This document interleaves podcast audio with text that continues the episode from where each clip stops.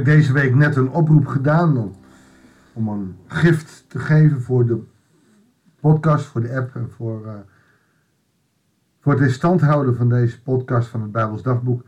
Gaat er dit keer in het slotstuk van Filippenzen uh, de dank en de overweging voor die giften ook nog eens inhoudelijk in het gedeelte van Paulus erover. Hoe mooi is dat? Goeiedag, hartelijk welkom bij een nieuwe uitzending van het Bijbels. We lezen Filippenzen 4, de versen 10 tot en met 23. De Heer heeft mij veel vreugde gegeven, nu u eindelijk uw zorg voor mij hebt kunnen tonen. Ik dacht altijd aan mij, maar vond niet de gelegenheid het te laten zien. Paulus had graag reacties gehad. Zoals hij nu een brief schrijft, had hij graag een bemoedigende brief gehad.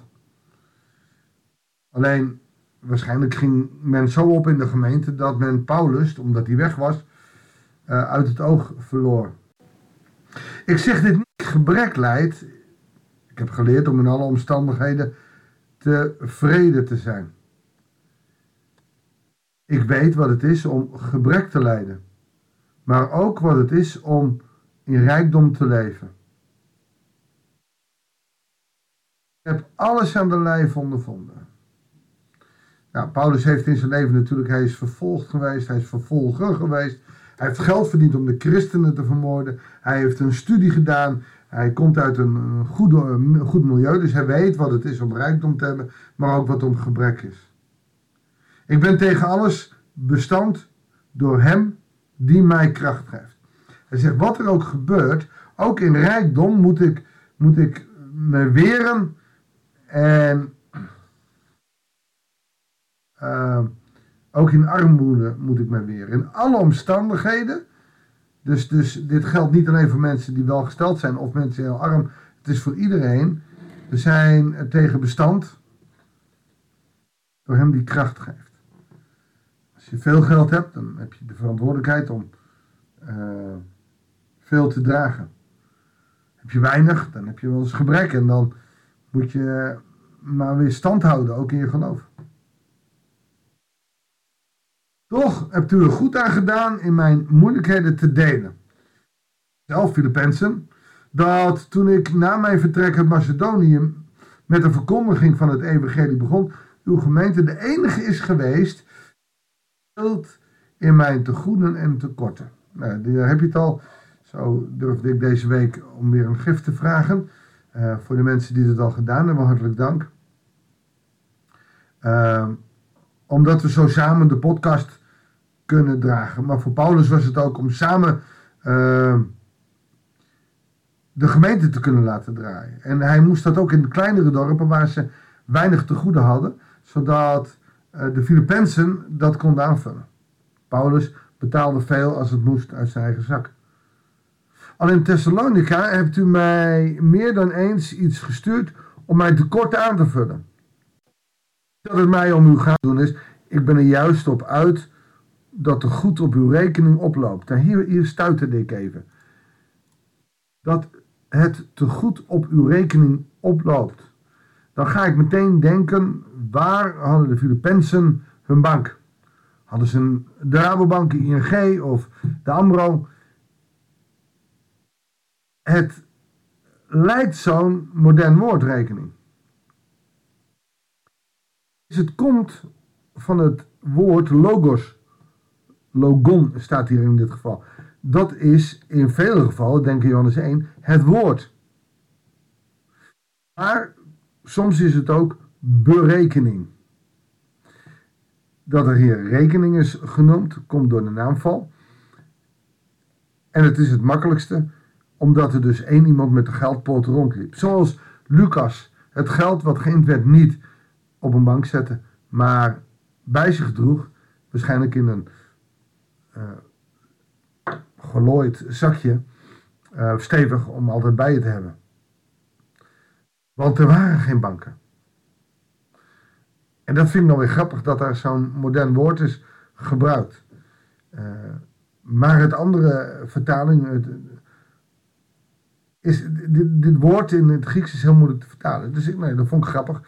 Uh, ik denk, hoe komen ze erop? Maar het is berekenend. Berekenend zijn, oftewel degene die de penningen bijhoudt. Uh, en ik wil dat dat genoeg is. Nu is alles mij vergoed en ik, heb ik zelfs veel meer ontvangen. Het ontbreekt mij niets dankzij de gave van Epaphroditus namens u heeft gebracht. Zijn een geurig en aangenaam offer dat God behaagt. Nou, dat zou ik ook willen zeggen over uh, mensen die, die bijdragen aan de podcast. Het is een geurig en aangenaam offer wat God behaagt. We doen dit niet. Ik doe dit niet om winst te maken, helemaal niet. Dan zou ik hem moeten stoppen. Ik doe dit om God te dienen, maar ook om mensen te dienen. Mijn God zal uit de overvloed van zijn majesteit elk tekort van u aanvullen. Door uw eenheid met Christus Jezus. Aan onze God en Vader komt de eer toe in alle eeuwigheid. Amen. Hier heeft hij de inhoudelijke versie van brief beëindigd. Aan onze God en Vader komt de eer toe. Hij heeft de Filippenzen bedankt.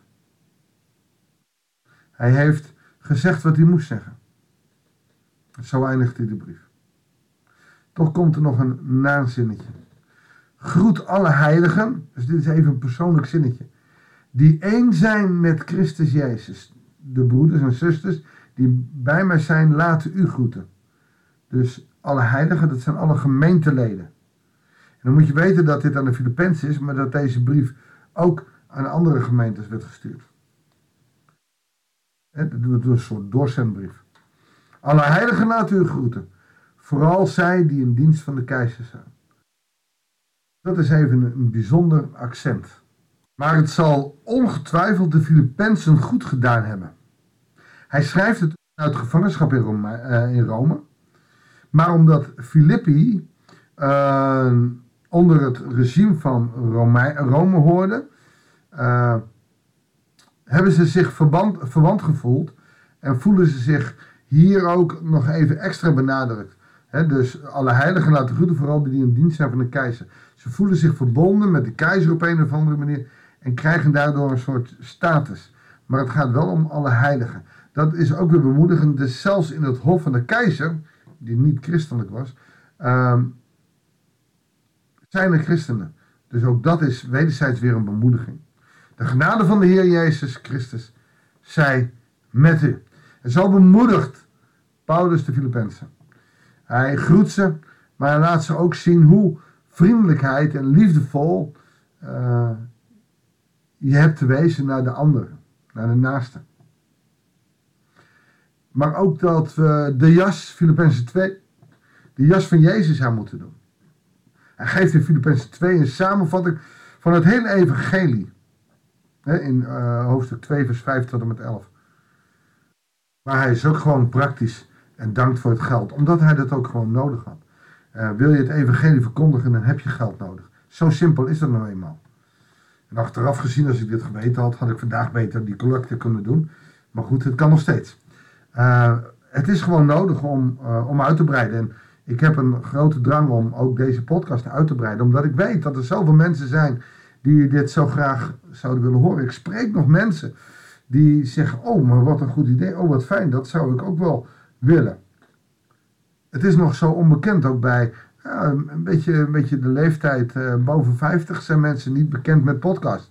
Daaronder, oh heb ik, ik heb al zoveel podcasts, nou dan moet je vooral niet luisteren. Maar ik heb nog, nog steeds het idee, het gevoel dat ik wil delen. Zodat steeds meer mensen minimaal 10 minuten per dag met God bezig zijn. Omdat dat van ontzettend groot belang is. Zo zijn we door de, het boek van de Filippenzen heen. Kort boek, vier hoofdstukken. In het weekend, uh, Matthäus 1, begin van het evangelie van Jezus Christus. Dan gaan we maandag niet meer verder, dan gaan we een aantal dagen in de Romeinenbrief. Ook het begin van de Romeinenbrief. Um, ook boeiend. Een spannend gedeelte. Uh, we gaan er gewoon naar kijken, we gaan er gewoon beginnen. Voor nu wens ik je een heel goed weekend. Het is 4 advent. We gaan op weg naar kerst. Ik hoop dat jouw hart gericht is op de Heer. En dat het kind in de kribbe voor jou de verlosser mag zijn. Ik wens je God zegen en heel graag tot de volgende uitzending van het Bijbelsdagboek.